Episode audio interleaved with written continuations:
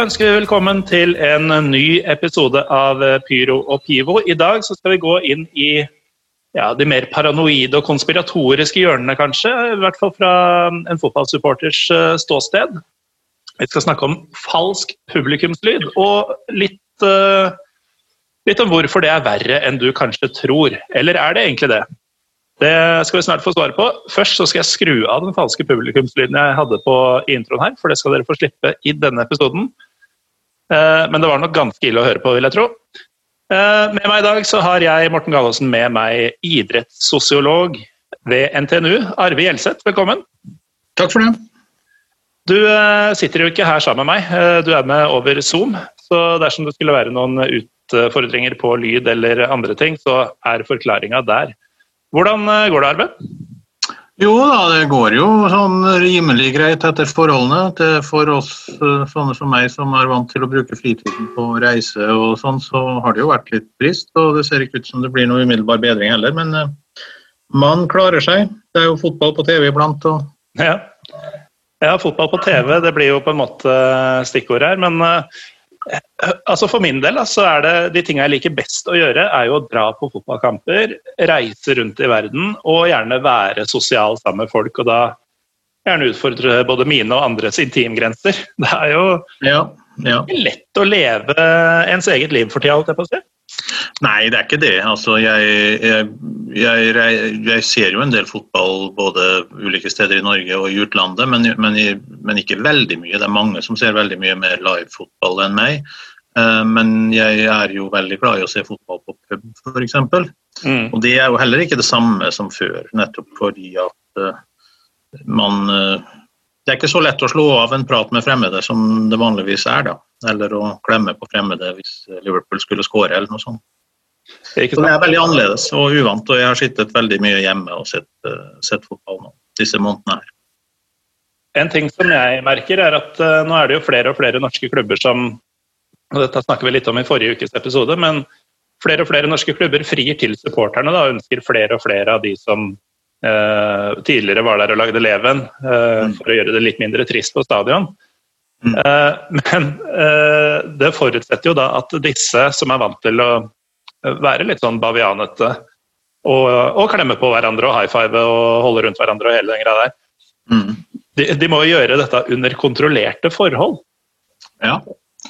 Så Særlig for dem så blir opplevelsen en helt annen pga. Mm. det. Eh, det er helt klart. og man, Rett nok så kan de jo stå og de kan synge, eh, selv om det sies at hvis man synger, så må man antagelig holde enda mer avstand enn ellers også. Mm. Men, eh, men eh, det, det, er ikke det samme når du ikke får den fysiske nærheten. For den fysiske nærheten er en forutsetning og et kjennetegn ved det folk erfarer, både som, som god atmosfære, men også at man faktisk lar seg påvirke mer av andres sinnsstemning jo tettere man står. Så Det blir noe litt annet, og det blir litt mer sånn um, det, blir, det, føles ikke så spontant hvis man står på fast, eller sitter på faste plasser to meter unna hverandre. og sånn. Mm. Det blir noe litt sånn uh, kunstig over det også. Ikke sant? Det gjelder alle former for publikumsopplevelser. altså at jeg tror uh, Er du på kino, så virker også til og med en film kan virke mer suggererende hvis, er, hvis kinosalen er full, enn hvis den er glissen.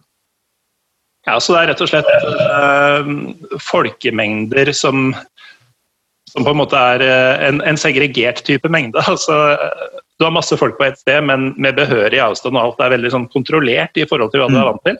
Ja, du mister det kaoselementet som for en del supportere i hvert fall er en vesentlig del av selve opplevelsen og erfaringen. Ikke sant. Ehm, jeg titulerte deg som ehm, idrettssosiolog sosiolog, eh, til å begynne med her. Hva, hva, hva, er det? Altså, du må jo være den første gjesten i Pyro Pivo med en eh, akademisk eh, tilknytning til supporterkultur, bl.a. Ja, det er mulig på denne podkasten her, så er det kanskje det. Vi er vel, så vidt jeg vet, to i Norge som i hvert fall samfunnsvitere som har doktorgrad på supporterkultur kultur. Det er meg og antropologen Hans Hognestad. Mm. Um, men så er det jo en del fotball, altså folk som studerer uh, idrett og ikke minst fotball fra et samfunnsfaglig eller sosiologisk perspektiv. Det finnes jo en god del masteroppgaver med en sånn tilnærming, f.eks. Men idrettssosiologi mer generelt er jo studie av idrett med, med utgangspunkt i sosiologiske perspektiver. Det kan jo handle om alt fra supporterkultur til ungdomsidrett til, til uh, skateboarding til uh, etniske minoriteters posisjon og rolle i norsk idrett, uh, forholdet mellom kvinner og menn etc. Et vidtfavnende felt, da? Ja, Eh, jeg, jo, jeg, jukser jo litt på flere av de feltene der også, men det jeg har drevet med de siste 50 årene, er i hovedsak det jeg kaller for publikumsforskning.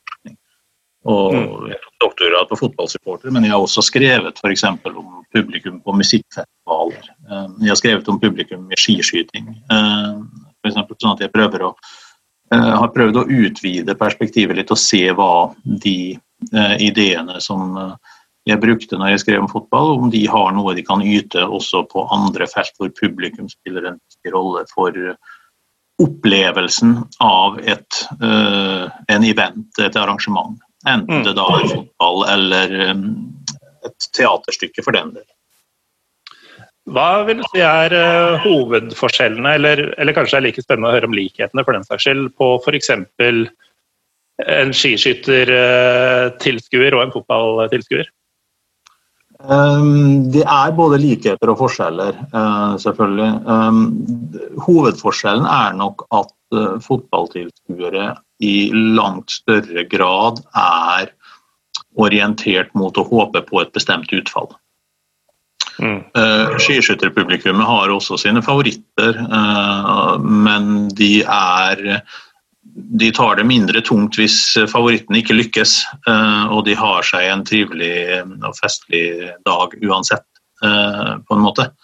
Eh, og skiskytterpublikum er jo også enda, i enda større grad sånn eventfokusert. Altså en fotballkamp, klubbkamp, det er jo mellom to lag, og så er det en kamp hver helg og hjemmekamp annenhver helg og sånn. Det følger en rytme. Skiskyting er jo organisert rundt sånne verdenscuphelger. Så det er jo nærmest en sånn tre-fire dagers festival. Så kanskje kan den type skiskyting som jeg har reist rundt og kan kanskje mer sammenlignes med VM i fotball.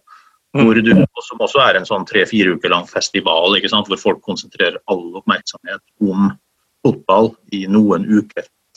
Den som følger en klubb som deltar i serien og en cupkamp, da, da inngår på en måte kamp et avbrudd i hverdagslivet kanskje én-to ganger i uka. Eh, ja. Mens, Men under en VM-turnering så vil du få at all oppmerksomhet er retta rundt det, for da har du gjerne ferie også. og Så, så, det er, eh, så Hvis du ser på VM i fotball, og sånne ting, så ligner skiskyting mye mer. Eh, men det er klart at fotballpublikummet er mer uregjerlig enn skiskytterpublikummet er. Og eh, ikke minst så er fotballpublikummet tradisjonelt mange steder mer opposisjonelle. Altså de godtar ikke hva som helst. Eh, sånn at når fotballen endrer et eller annet, enten det er innføringen av VAR eller om det er at eh, Red Bull kjøper Salzburg og SSV Markanstadt i, i, i Tyskland og gjør dem om til RB Leipzig og sånn, i nesten alle andre idretter så, så, bryr ikke publikum seg så veldig mye om sånne ting. Men i, i fotball så har de et sånt eh, nærmest et slags sånn eierforhold til klubbene og til fotballen som gjør at eh, veldig mye av det sponsorer og eiere og sånn finner på, skaper motstand.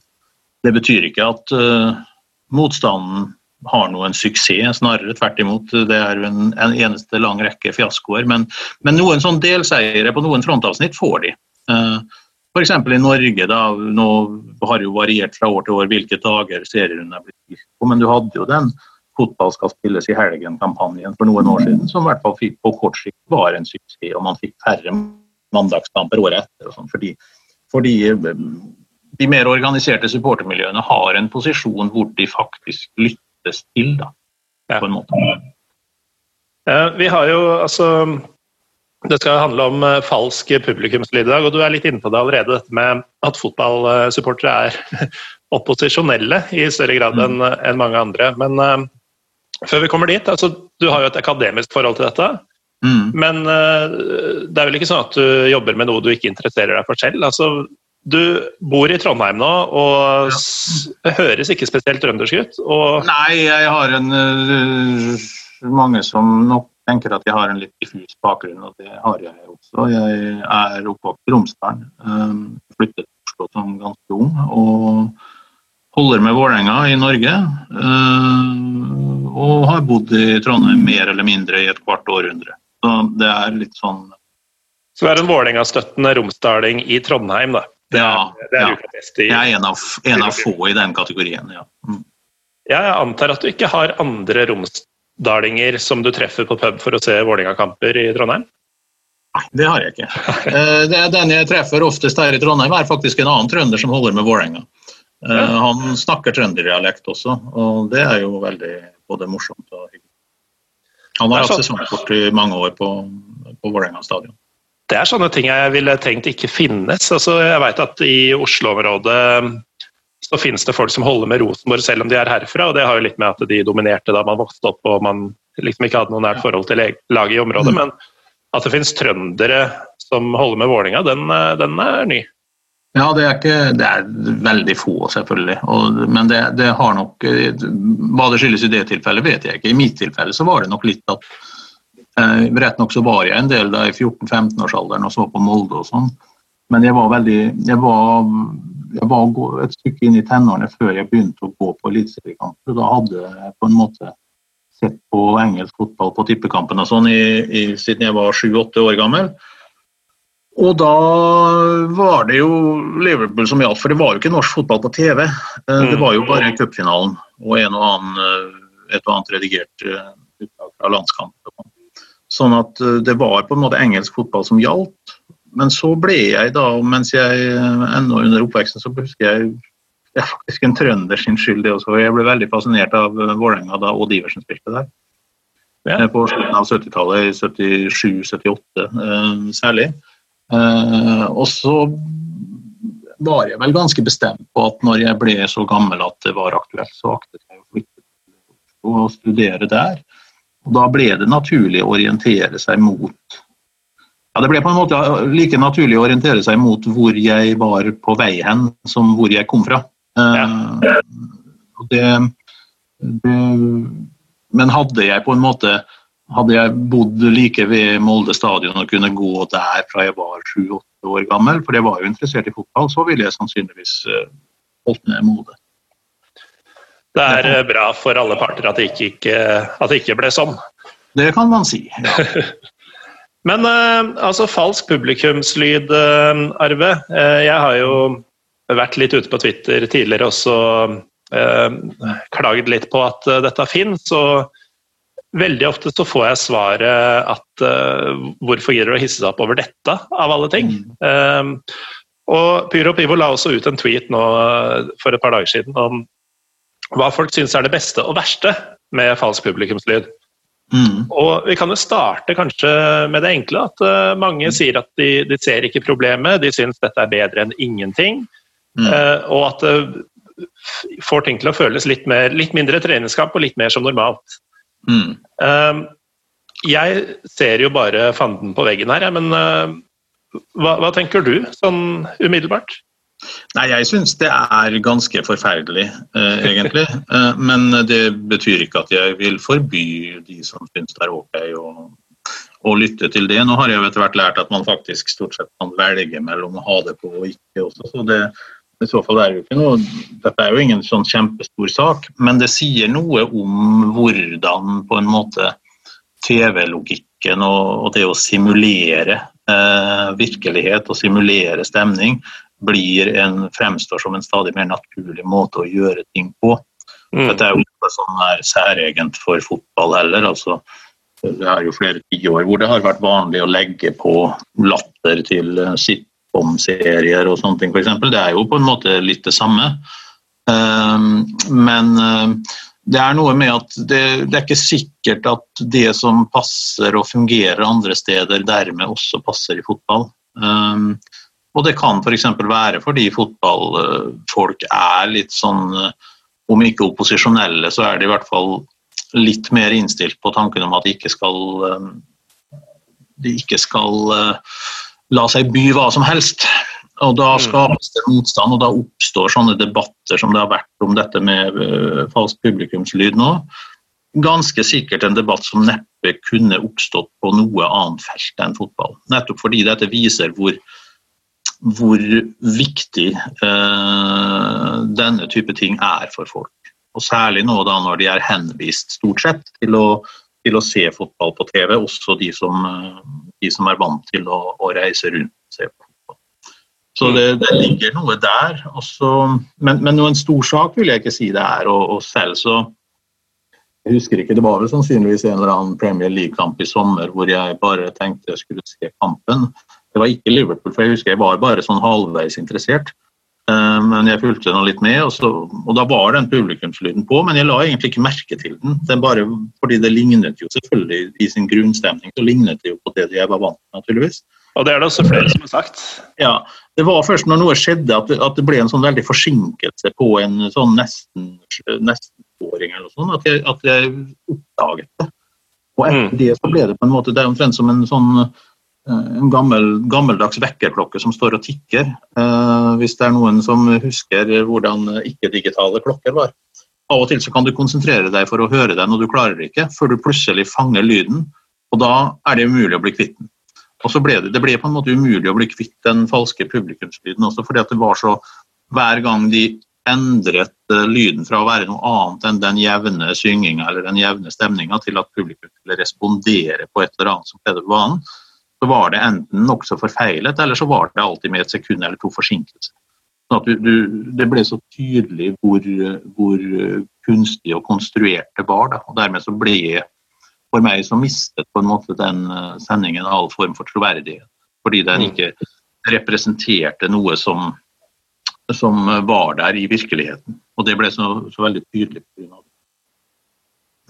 Ja, det er jo litt sånn eh, som vi også var innom tidligere, at dette med at fotballfans de, de, de, lar seg affisere av mye som andre ikke gjør. og mm. det, det, du sier at teknologien på en måte alltid har ligget der i form av å ha blitt lagt på, på komiserier, og, og, det finnes også andre idretter har jeg skjønt, som har brukt falsk publikumslyd på TV-sendingene lenge, uh, gjerne skisport. Ja. Ja. Eh, men det er jo akkurat den Det er der fotballsupportere steiler, da, for de skal jo ikke ha noen som helst likhet med disse eh, altså Sitcoms er jo en ting, det er rein underholdning. Mm. Men, eh, men slalåm har jo heller aldri vært noen sånn publikumsidrett på den måten. At folk går sammen for å, for å støtte opp under og, og, og, eie det på den måten de gjør stemninga på stadion. Nei, det, det, er, det, er, litt annerledes i, i, de fleste andre idretter. Og, og, det er ikke noe Altså, det er klart, Fra et TV-produsentperspektiv så tenker man jo hvordan opplevelsen kan bli best mulig. Og da er eh, TV Altså i 30 år minst så har TV-selskapene gjort veldig mye rart for å forbedre TV-opplevelsen, kanskje for å markedsføre en arrangør eller et eller annet. Det var allerede på under OL på Lillehammer så, en, så, ble det klippet inn ved flere anledninger en sånn rev eller hva det var i nærheten av løypa midt under en konkurranse. Det var nettopp klippet inn. Man hadde tatt opp det på forhånd når det befant seg en rev der, og så la man det inn i sendingen for å skape en sånn illusjon av, hos TV-seerne av autentisitet og villmark og Norge og sånn, mm. sånn ser ut i sparsomt eh, befolkede Norge. og sånn. Alt er konstruert. ikke sant? Men, men for, for, for, de som lager TV, så er det en helt naturlig måte å gjøre ting på. Uh, tenk f.eks. på sånne reality-serier, og sånn, altså enten det er 71 grader nord eller 'Mesternes mester' eller 'Kompani Lauritzen' eller hva det er. Det, TV, det som blir det ferdigproduserte TV-programmet på kanskje 50 minutter eller en time, og sånn, er jo et nøye uttenkt utdrag av hva som faktisk har skjedd. Sånn tenker de som produserer TV, og de tenker da også at hvis vi kan få en fotballkamp til å fremstå som litt kulere eller litt mer attraktiv enn den i virkeligheten er når det gjelder lyd, vel så er det naturlig for oss å gjøre det. Og for den gjennomsnittlige TV-seer så vil det sannsynligvis bedre opplevelsen, og flere vil se på. Utfordringen her er at det er ikke sikkert at de som ser på Champions League og Premier League, er gjennomsnittlige TV-seere. Vi ser på med, annen, med, en annen form for engasjement enn tilfellet er for de som ser på 71 grader nord. Eh, de fleste som ser på 71 grader nord, vil jeg anta. Og det er det som skaper disse, disse konfliktene. Det er en klassisk type, uh, type mm, motsetning, fordi fotballen er verdens mest populære idrett. Uh, og TV-selskaper, sponsorer og sånn, de tilrettelegger produktet for å få de 100 000 eller 10 000 ekstra tilskuerne eller seerne. For de stoler på at de som er så engasjerte at de faktisk orker å diskutere et sånt spørsmål på Twitter, de ser på fotball uansett. Ikke sant? Mm. Så, så de, de, kan tas for gitt, mens, mens, målet er å utvide markedet hele tiden. Og da, Hvis du skal få flere seere, så skjønner jeg i og for seg godt at de tenker at da er dette med, med falsk publikumslyd noe som kan virke attraktivt. Men i sin tur så provoserer det da dem som er vant de som ikke vil ha det. De som vil, ikke vil ha det som er falskt, men bare det som er ekte. Det som uh, å si, virkelig gnager meg, eller en av mange ting, for så vidt, men det er jo at uh, man har jo alltid visst at det har vært et skille mellom den såkalte sofasupporteren og stadionsupporteren. Mm. Uh, men nå syns jeg liksom det har blitt tydeliggjort på en helt ny måte hvor stor forskjellen er på disse, og, og i hvilken grad man Eh, konsumerer fotball og knytter seg til det som faktisk skjer eh, da, rundt banen, kan du si, da, på stadion. Mm. Eh, fordi nå, med den falske publikumslyden, så blir det jo gjort litt sånn klart for at for TV-publikummet så er stadionlyden mer, en, mer et krydder på produktet enn en noe faktisk organisk og levende. Mm. Ja, det er det. Og sånn fremstår det selvfølgelig også. Altså, det er klart uh, de som har deltatt i sånne supportermasser og stått eh, blant en vegg av folk. Man vet jo det at fra innsiden så er det litt mer kaotisk enn det ser ut til fra utsiden. ikke sant? Det er veldig, det er veldig, mye, det er veldig mye som foregår i en sånn gruppering som ikke er synlig på TV uansett. Uh, mens, men for TV-publikummet så handler det om å, at masse folk på stadion gjør TV-opplevelsen bedre. Hvis det er umulig å få folk på stadion, vel, så kan vi etterligne den opplevelsen likevel. Men det er klart, blant de som ser på fotball, så er det et visst sånn hierarki. Altså de som ser på fotball på stadion, og ikke minst de som i tillegg drar på bortekamper, de påberoper seg å ha en litt høyere status enn sofapotetene som sitter og glor på dette i, i, i godstolen og som ikke ofrer eh, noen ting, bortsett fra kanskje å betale for eh, kanalen, eh, for å se på dette her. Altså Å være supporter, det, de fremstiller det ofte som et offer. ikke sant? Man ofrer noe. Man betaler masse, man reiser, man setter av mye tid til det. Man står og ser på kamp i vind og regn og blest og til alle årstider. Mens da de som velger TV-en, de er mindre engasjerte. De de produserer ikke atmosfære, de konsumerer den. Og, altså de er passive mer enn aktive, på en måte. Mm. Det er jo litt sånn eh, Jeg, har prøvd å Og, og det, her kan du kanskje sette en akademisk stopper for mitt ræl, men uh, senest i går så prøvde jeg å liksom tegne et skille mellom en tilhenger og en supporter, eller en fan og en supporter. Mm. Uh, hvor jeg da mener at supporterne er Altså de genererer antagelig mindre penger til klubben fordi de kjøper de billigste billettene. Det er ikke de som renner ned supporterstappen etter den nye tredjedrakta hvert år. Uh, og de kan være brysomme fordi de faktisk sier ifra til klubben, de sier ifra til dommere, de sier ifra til uh, diverse aktører med bannere, ja. med sang osv. Mens en fan og tilhenger kanskje er um, Ja, de kjøper dyrere billetter, de kjøper flere drakter, og de klager ikke og de maser ikke. De sitter pent i settene sine. Ja. Det, det, er noe i det. Altså det, er, det er jo, virkeligheten er alltid mer nyansert enn sånne enkle diskusjoner. Si. Men eh, det er noe i det, og det finnes også et skille i faglitteraturen som, som mellom supporter og fans. Man tenker seg supportere nettopp er For det første er de, tenker man seg at de er lokale, altså det er lokale fans.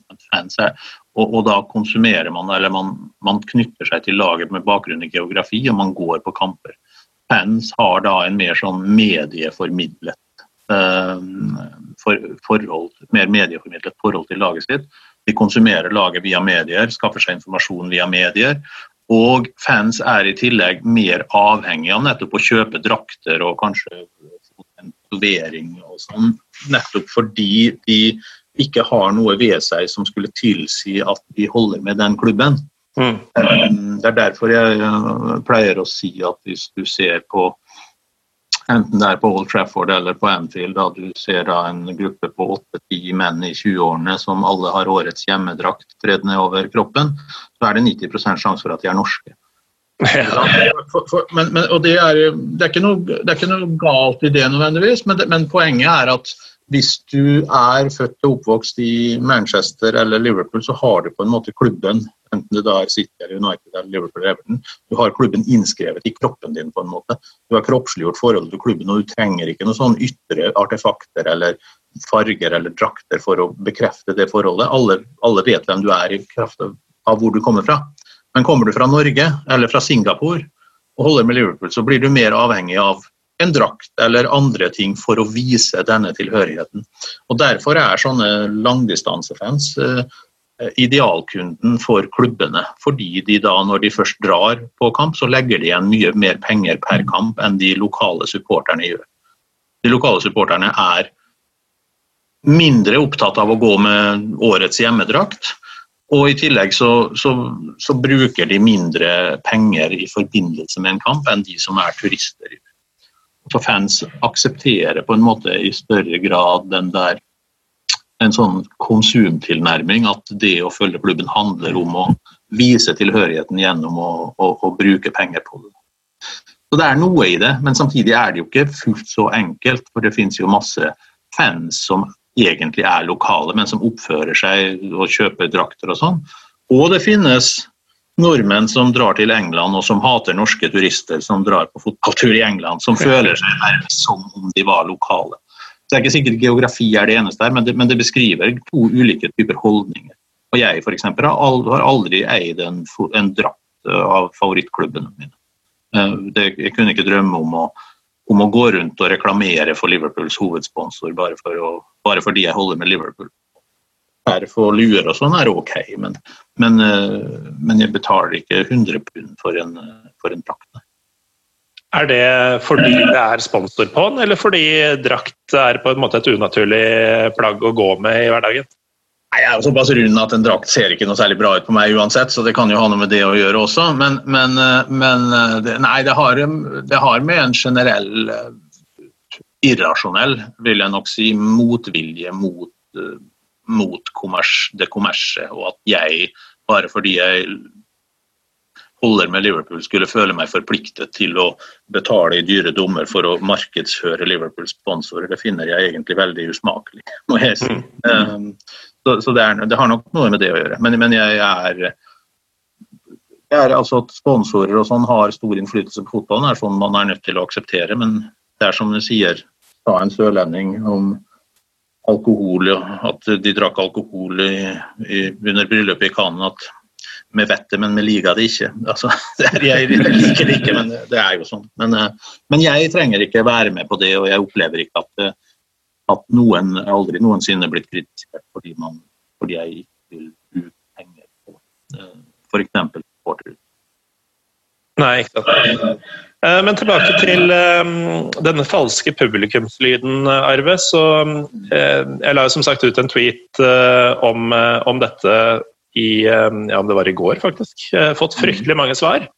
Så jeg kan ta mye generelt, men jeg har lyst til å trekke fram en liten minitråd som Sjur Stølen, en eh, fotograferende Vålerenga-supporter som alle burde følge både på Twitter og Instagram. Mm. Uh, han skrev følgende, og her blir det en liten tirade, men uh, prøv, å, prøv, å, følge meg. Ja. Sjur skriver altså Som sportsfotograf misliker jeg det pre presseetiske i det. Vern om det journalistiske fotografiets troverdighet, heter det seg i VVP, altså Vær varsom-plakaten. Og greit nok at alle har fått med seg at lyden er falsk, men er det bra at man normaliserer bruken av manipulerte videobilder i journalistikken? Så følger han opp med med fare for å være for puritansk, så mener, eh, mener, jeg jo at det er ukultur, særlig når en tar i betraktning at forfalskede bilder mest sannsynlig vil bli et større tema i årene som kommer. Særlig gitt at det utelukkende er kosmetisk, og hovedpoenget er å sminke over sider med, eh, ved virkeligheten. Så kan vi ta en liten pust der, men uh, umiddelbar reaksjon på Sjurs presseetiske innvending? Nei, Jeg antar jo han da mener at altså det, å, det, å, legge på falsk lyd er jevngodt med å manipulere bilder. altså Og bilder. Man gjør jo i, i praksis det, for det er jo videobildene ja. man manipulerer. Ja, så Jeg har stor sans for det synspunktet. Og, og, jeg mener vel kanskje at det som er dilemmaet her, og det er noe som sportsjournalistikken Det er en kritisk, altså en kronisk utfordring for sportsjournalistikken. Det er at uh, den står i en sånn spagat mellom det journalistiske og det å være ren eh, underholdning. Uh, og så lenge man kategoriserer sport som underholdning, så blir det å forfalske f.eks. For videobilder, klipp, og lage falsk lyd og sånn, litt mindre problematisk enn hvis man kategoriserer det som journalistikk. Men det er jo i streng forstand journalistikk. Man skal formidle virkeligheten, eh, mens eh, de fleste underholdningsprogrammer formidler en konstruert, falsk og, og, og på forhånd nedskrevet eh, virkelighet. Så jeg har stor sans for det synspunktet, men, men det, det, handler om at veldig mange, både journalister, men også de som er i fotballen, de betrakter det som underholdning like mye som noe som har nyhetsverdi. Og da blir på en måte eh, åpningene for å manipulere virkeligheten blir litt større. Sånn tror jeg de tenker. At det, det er ikke um, Dette er, mer en, er mer innenfor en underholdningslogikk enn en nyhetslogikk. Og da, da er det lov å tilpasse produktet publikums antatte behov. Sånn tror jeg de tenker omtrent. Men det er helt klart at eh, det er veldig Vi har gått glipp av veldig mye viktig sportsjournalistikk fordi eh, sportsdekningen har ofte befunnet seg innenfor dette feltet. Det er jo den type eh, logikk som f.eks. en, en publikasjon som Josimar har forsøkt å overskride. Nettopp tydeligere, å være tydeligere på at vi driver med journalistikk. Vi, vi driver ikke verken med helsedyrkelse eller ukritisk eh, markedsføring av fotball. Vi prøver å grave i hva som virkelig eh, foregår. Frem til Josimar ble etablert, så var nesten all kritisk sportsjournalistikk var i Norge skrevet av eh, journalister som egentlig drev med næringsjournalistikk og politisk journalistikk. Også. Men sportsjournalistene var der. Deres rolle var å underholde publikum og formidle stemning og atmosfære og norske seire og hva det måtte være. Mm. Så Det er det spennende der som skaper eh, Som produserer den oppfatningen av f.eks. en sportsfotograf, eh, tror jeg. At, eh, at, han definerer seg innenfor nettopp et, et journalistisk paradigme, mens TV-logikken særlig trekker dette i retning mer av en sånn underholdningslogikk som har andre standarder og krav, og, og langt mindre rigide, til hvordan man kan sminke virkeligheten hvis det er til det beste for seerne. Ikke sant. Um, en annen ting som går igjen litt, er at uh, folk ser på dette som en sånn uh, quick fix, det er en nødløsning nå mens ting er, som man sier, veldig annerledes.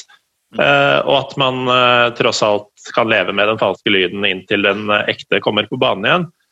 Uh, og, og, det er jo for så vidt uh, isolert sett uh, helt ok, men, men igjen, da, jeg, jeg, er jo livredd for hva dette egentlig betyr. Mm. Og, og, og lefle litt med tanken, og det har jeg sett flere gjøre, bl.a. Asbjørn Slettemark også er veldig kritisk til denne lyden av helt andre årsaker enn at det er litt dårlig produksjon på det iblant. og sånn. Men Men altså vi vet jo at Uefa og Fifa f.eks. Eh, er veldig glad i, um, i penger, det spiller ikke så stor rolle hvor det kommer fra. Mm. Uh, blant annet altså, hvem som skal arrangere VM, og hvem som får lov å sponse og eie hvilke fotballklubber og sånn. Uh, en, uh, sånn, et lite gnag jeg kjenner på, er jo at dette på en måte er et slags testprosjekt. En pilot for hvordan man kan virkelig manipulere stadionstemning i framtiden. Mm. Nå har vi jo f.eks. VM i Qatar om ikke så altfor lenge, hvis, hvis verden står til påske, holdt jeg på å si. Mm. Eh, hvor man i utgangspunktet kunne forventa seg enten glisne tribuner eller eh, organiserte protester. Eh, og i det hele tatt eh, Om man finjusterer dette over noen år, da, så vil man jo i teorien kanskje kunne å si, male over eh, kritiske røster i, i stadionbildet. Er, er det fullstendig paranoia fra min side her, eller? Nei, det er det ikke nødvendigvis.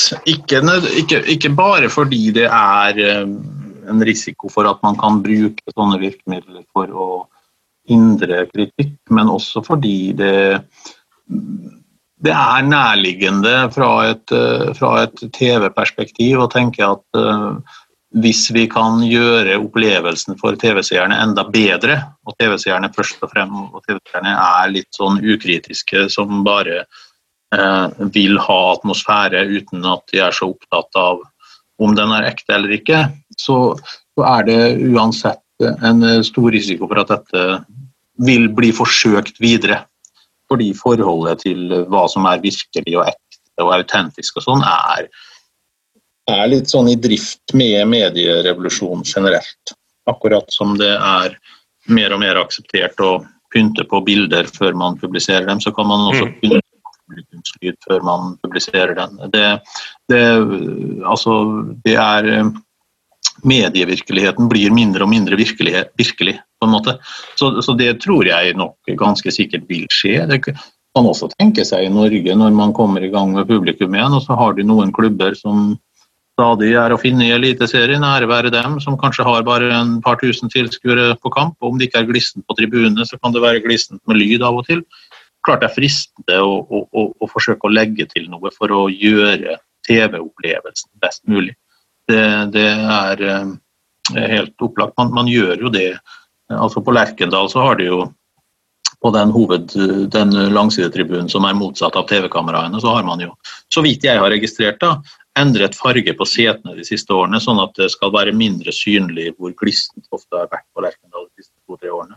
For det er så vanskelig for, for, fra et TV-perspektiv å si at det ikke blir folk. Men det, det er da i litt sånn svarte og hvite farger eh, som eh, eh, og sånne, sånne, former altså Det er jo ikke noe alvorlig form for manipulering, men det er klart det er en, det er en form for manipulering som er til Som gjøres for TV-opplevelsens del. Og det eh, skaper sånne paranoide forestillinger om at dette kanskje ikke er en unntakstilstand, men starten på noe annet. Og det vil Ja, det vil nok utvikle seg videre, og, men jeg tror det er viktig at folk som syns det er teit, også prøver å si fra om det, på en måte. Apropos utvikle seg videre, så sitter det en fyr i, i Japan tilsynelatende, skal man tro Twitter, mm. Kåre Hilt, som mm. forteller at uh, i Japan så har de en helt annen type uh, falsk uh, publikumslyd, om vi kan kalle det en falsk. fordi de har visst et system som heter remote cheering. og dette er noe av det mest japanske jeg noensinne har hørt. Du kan altså mm. sitte hjemme og spille inn deler av publikumsrop og sanger, og så blir det kringkasta, så vidt jeg har skjønt det, enten på stadion eller gjennom TV-en. Det, det, var bare én tweet her. Men mm du bidrar altså til stemninga hjemmefra. Ja. Er ikke det sinnssykt? Ja, det, det, er jo det, er jo kjempeinteressant sånn i teoretisk forstand at skillet mellom, eh, mellom, stadion og TV på en måte bryter sammen. At, at de influerer på hverandre. Eh, for eksempel, så er jo det eh, Det vil selvfølgelig Jeg kjenner ikke til det der, men det, det vil selvfølgelig stå en rekke sånne interaktive former for, for måter å opptre som publikum på, altså interaksjon mellom TV-stolen og stadion, mellom TV-stolen og spiker. Altså det er jo det som eh, ja, under en masse kamper på sånn livesendinger, enten man når VG eller aviser følger kamp på nett, og sånn, så er jo folk er jo fryktelig aktive i chatten. ikke sant? De, de, enten de, til og med om de sitter på stadion, i hvert fall hvis de sitter på puben, så ser jeg jo folk sitter jo like mye på mobilen og prøver å, å, å chatte om kampen som de ser på skjermen. Uh, og så er jo de, også de som er på stadion, er jo veldig bevisst at de er på TV. Uh, mm. Kanskje ikke sånne die hard-supportere, de forsøker å uh, late som de ikke gjør det, men altså følg med hvor mange som filmer et straffespark på stadion fordi de skal ha det til sosiale medier eller for sitt eget minne eller hva det er. Altså den, den medielogikken er jo ikke strengt forbeholdt TV, den, den, gjelder også inne på stadion. Og sånn som da når kameraet på stadion fanger inn en tilskuer, så går det aldri mer enn tre sekunder før vedkommende jubler som oppdager at han er på skjermen, og jubler som bare det. Noe som i seg selv da er litt sånn suspicious, fordi at det viser jo at de ser på den skjermen like mye som de ser på kampen. Ja, det er ganske avslørende å, å, se at man Eller å registrere at man er på storskjermen. Ja. Um, jeg er jo ganske sånn paranoid og konspiratorisk av meg, men jeg vil faktisk si at nevnte herre Slettemark drar det litt lenger enn meg. Mm -hmm. Han uh, sier at fra et fanståsted er dette en marginalisering av innsatsen og viktigheten av publikum. Det har vi vært litt inne på før, men mm. han sier også det er også en utforskning av hvordan erstatte uønsket lyd og protester med mykere budskap. Og så tar den virkelig kake her. Mm. Snart får Coca-Cola blod på tann og får kjøpt inn supportersanger om brus i Qatar-VM. Ja, hvorfor ikke? Coca-Cola kjøpe inn falsk supportersang om sine produkter. Ja, hvorfor ikke? Det var vel Coca-Cola som eh, var sponsor da de iverksatte den eh, bølgen som opprinnelig dukket opp under OL i Los Angeles, men som ble verdenskjent under VM i Mexico. Ja, uh, Mexican Wave. Ja, det var en cola, et colapåfunn, så vidt jeg vet. Ja, det har jeg hørt flere steder. Ja, så det, det, Sånne ting kan godt skje. Uh, og det, det syns jeg ikke er spesielt konspiratorisk. Det som det som er spørsmålet, er hvor mange som vil la seg lure med det. Og det som kan mm. sies der er at det er lettere i Qatar-VM og i VM generelt enn det er overfor klubbfotballen. Um, det er litt mer En litt større andel av de som følger fotballen fra uke til uke, som har en sånn prinsipiell motvilje mot sånn enn tilfellet er blant de litt mer sånn begivenhets- og festivitas-orienterte eh, VM-supporterne. Det er samme sak, du ser litt flere rare hatter i VM enn du gjør i, i, i klubbfotballen. ikke sant? Det er, det er litt mer sånn festivitas-orienterte, og sannsynligvis derfor også lettere offer for sånne, sånne markedsføringsgimmicker eller påfunn. Det har jo vært, altså selve tanken om at sponsorer skal bidra til klubbsanger, hvorfor ikke? Altså, eh, jo, jeg vet hvorfor ikke, men altså det, det, er jo rart at ikke flere har forsøkt. Eh, da Rema ble Rosenborg-sponsor, så prøvde de faktisk på det de laget. De skulle lage en ny klubbsang som sammenlignet Rosenborg og Rema som sånn to små, uh, små uh, to smålåtne initiativ som vokste seg til å bli store. Eh, mm. Den sangen ble ikke noen stor suksess, men det var Odd Reitan er jo tidligere musiker også. Han, han, eh, var sikkert involvert i å lage den.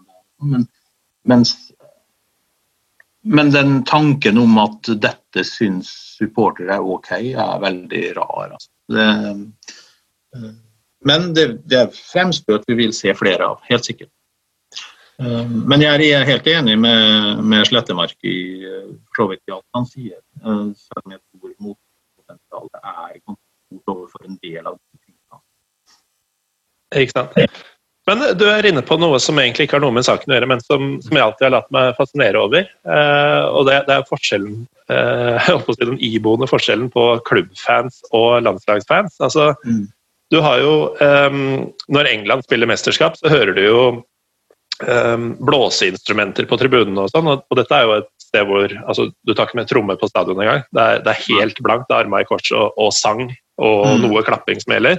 Ja. I Nederland så er det jo veldig sånn hardcore, altså overraskende brutal supporterkultur med mye slåssing. Man har bomba hverandre og, mm. og, sånne ting. Mens nederlandske landslagssupportere er jo karnevalsdeltakere. Ja. Hvorfor er det så stor forskjell på de som følger klubb og landslag mange steder? Ja, mange steder, ja. Nei, det er et godt spørsmål. Altså, det har nok litt med at eh, når det er altså landskamper Landskamper har veldig mange seere, og det er veldig mange som ser lite fotball ellers, som har lyst til å se landskamper, også på stadion. Eh, akkurat som den norske cupfinalen. Det dukker opp veldig mange på cupfinalen som vil ha billett, som knapt har vært eh, på kamp tidligere det året, f.eks.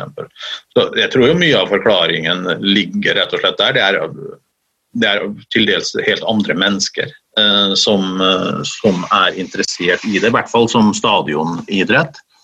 Um, mens det med Det er nok lettere for sånne grupperinger som er veldig, mobiliserer veldig rundt å være en tett integrert gjeng som følger i en klubb og sånn. Det er nok lettere å vedlikeholde det i, i klubbfotballen. Og derfor så får du sånne veldige kontraster som det er mellom nederlandsk klubbfotball og de som følger nederlandsk landslagsfotball. Um, det samme gjelder jo ja, Tyskland er vel mindre eh, aggressivt også på klubbnivå enn Nederland ofte har vært, men, men det tyske landslagspublikummet er jo også veldig sånn festivitas-orientert. Ehm, jeg var på en konferanse en gang med en eh, da han bodde i Texas, men han var opprinnelig hollender. Han sa at eh, det er en kjent sak at hollendere aldri klarer å være mer enn fire personer sammen uten å kle seg ut. Og Det synes jeg var altså, Det er så grunnleggende og, og gjennomført oransje når det nederlandske landslaget eh, Samme ser man på skøytestevner f.eks. også. Og det er den der hornmusikkgreia, og det er en, en voldsom festivitet som man da ikke eh, finner igjen i, i klubbfotballen i det hele tatt. Det, det, jeg tror rett og slett det skyldes at det er ulike mennesker, altså. Eh, tenk på alle som så på Norge-Brasil i 1998. Det var på en måte sikkert et par hundre tusen nordmenn som så den første fotballkampen i sitt liv. ikke sant? Og da, da, får du automatisk en annen type atmosfære og en annen type stemning, både på stadion og foran TV-skjermen. Hva, hva, vil du si det er størst forskjell på um, sofasupporteren og stadionsupporteren, eller klubbsupporteren og landslagssupporteren? Det er nok eh, faktisk vel så stor forskjell på klubbsupporteren og landslagssupporteren. De som er sofasupportere, mange av de som ser mye fotball på TV, de drar jo også på stadion når anledningen byr seg.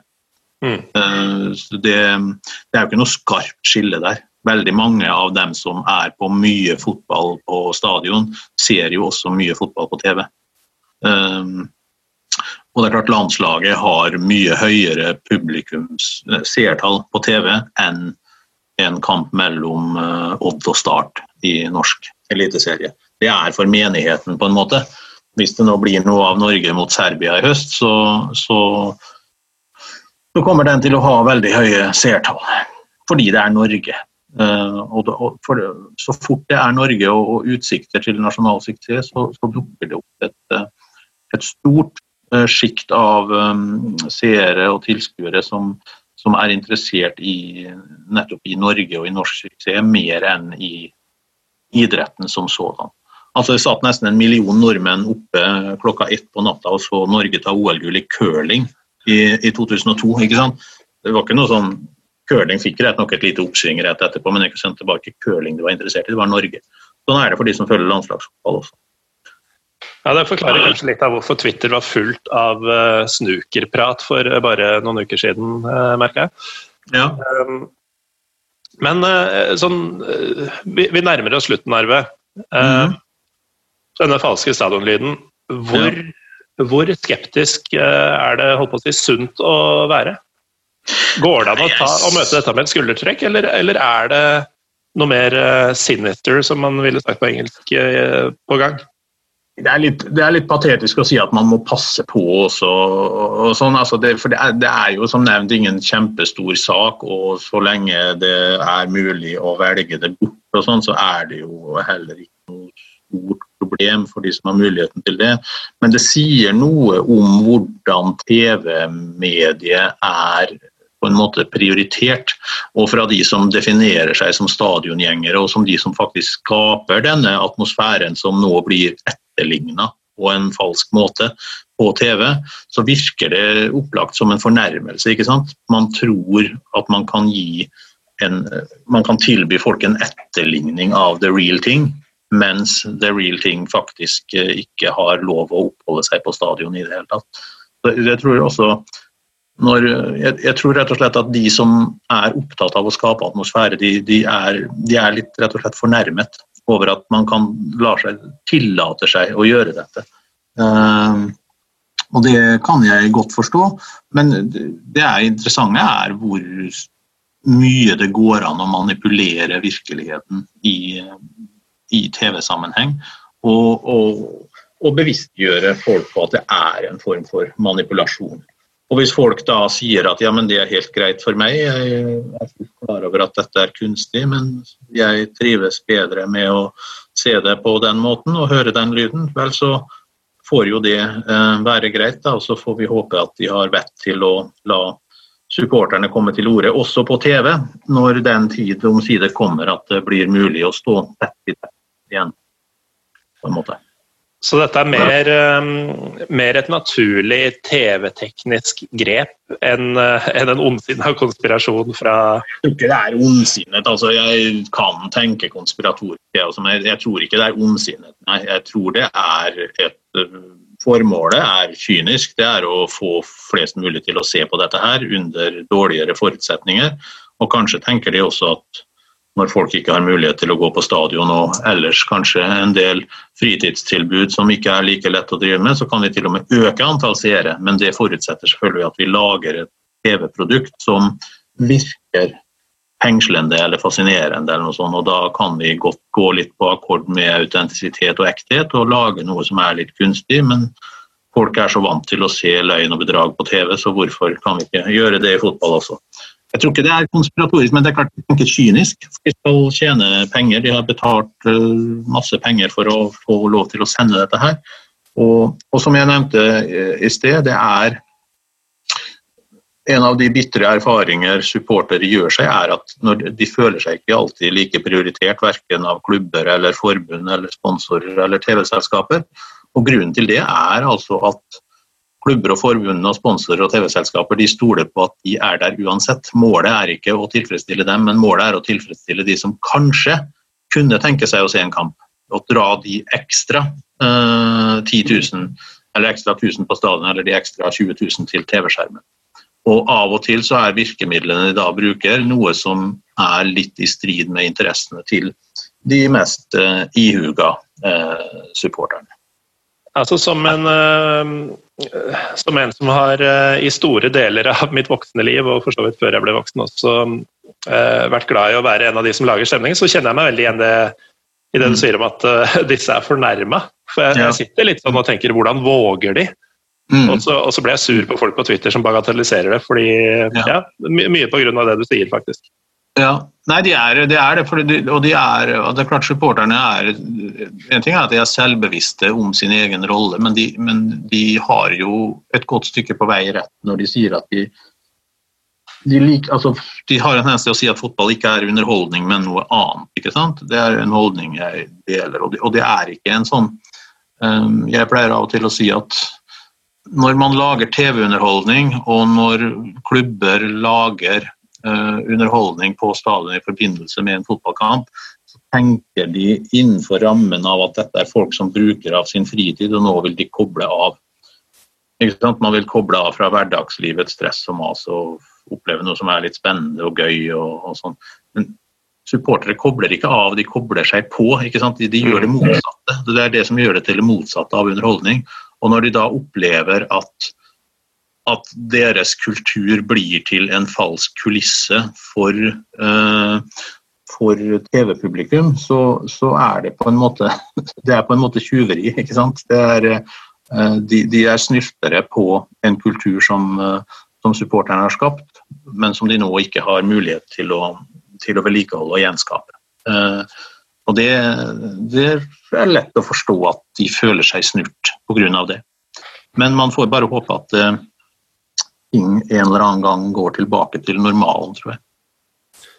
Vi satser på det, Arve. Um, tusen takk for at du tok deg tid uh, i denne travle, litt annerledes koronatiden og alle disse flosklene som må med uh, ja. dag ut og dag inn. Um, hva hva skjer med studiestart og sånn? Er det mye fjern, fjernundervisning på NTNU? Ja, eh, jeg har ett emne, og det er i sin helhet digitalt når det kommer til forelesninger. De har noen sånne øvingsgrupper hvor de kan møtes fysisk, har, men da er ikke jeg involvert i dem. Så jeg, bortsett fra én-til-én-møter på kontoret, så treffer jeg vel ikke en eneste student i hele høst, annet enn på uh, Zoom eller Teams eller hva det nå heter alt sammen. Um, så det er litt uh, både rart og litt kjipt, men uh, vi, jeg kan ikke annet, gjøre annet enn å sitte og vente og håpe på bedre tider. Altså, det, er, det, er, ganske spesielt dette her, men jeg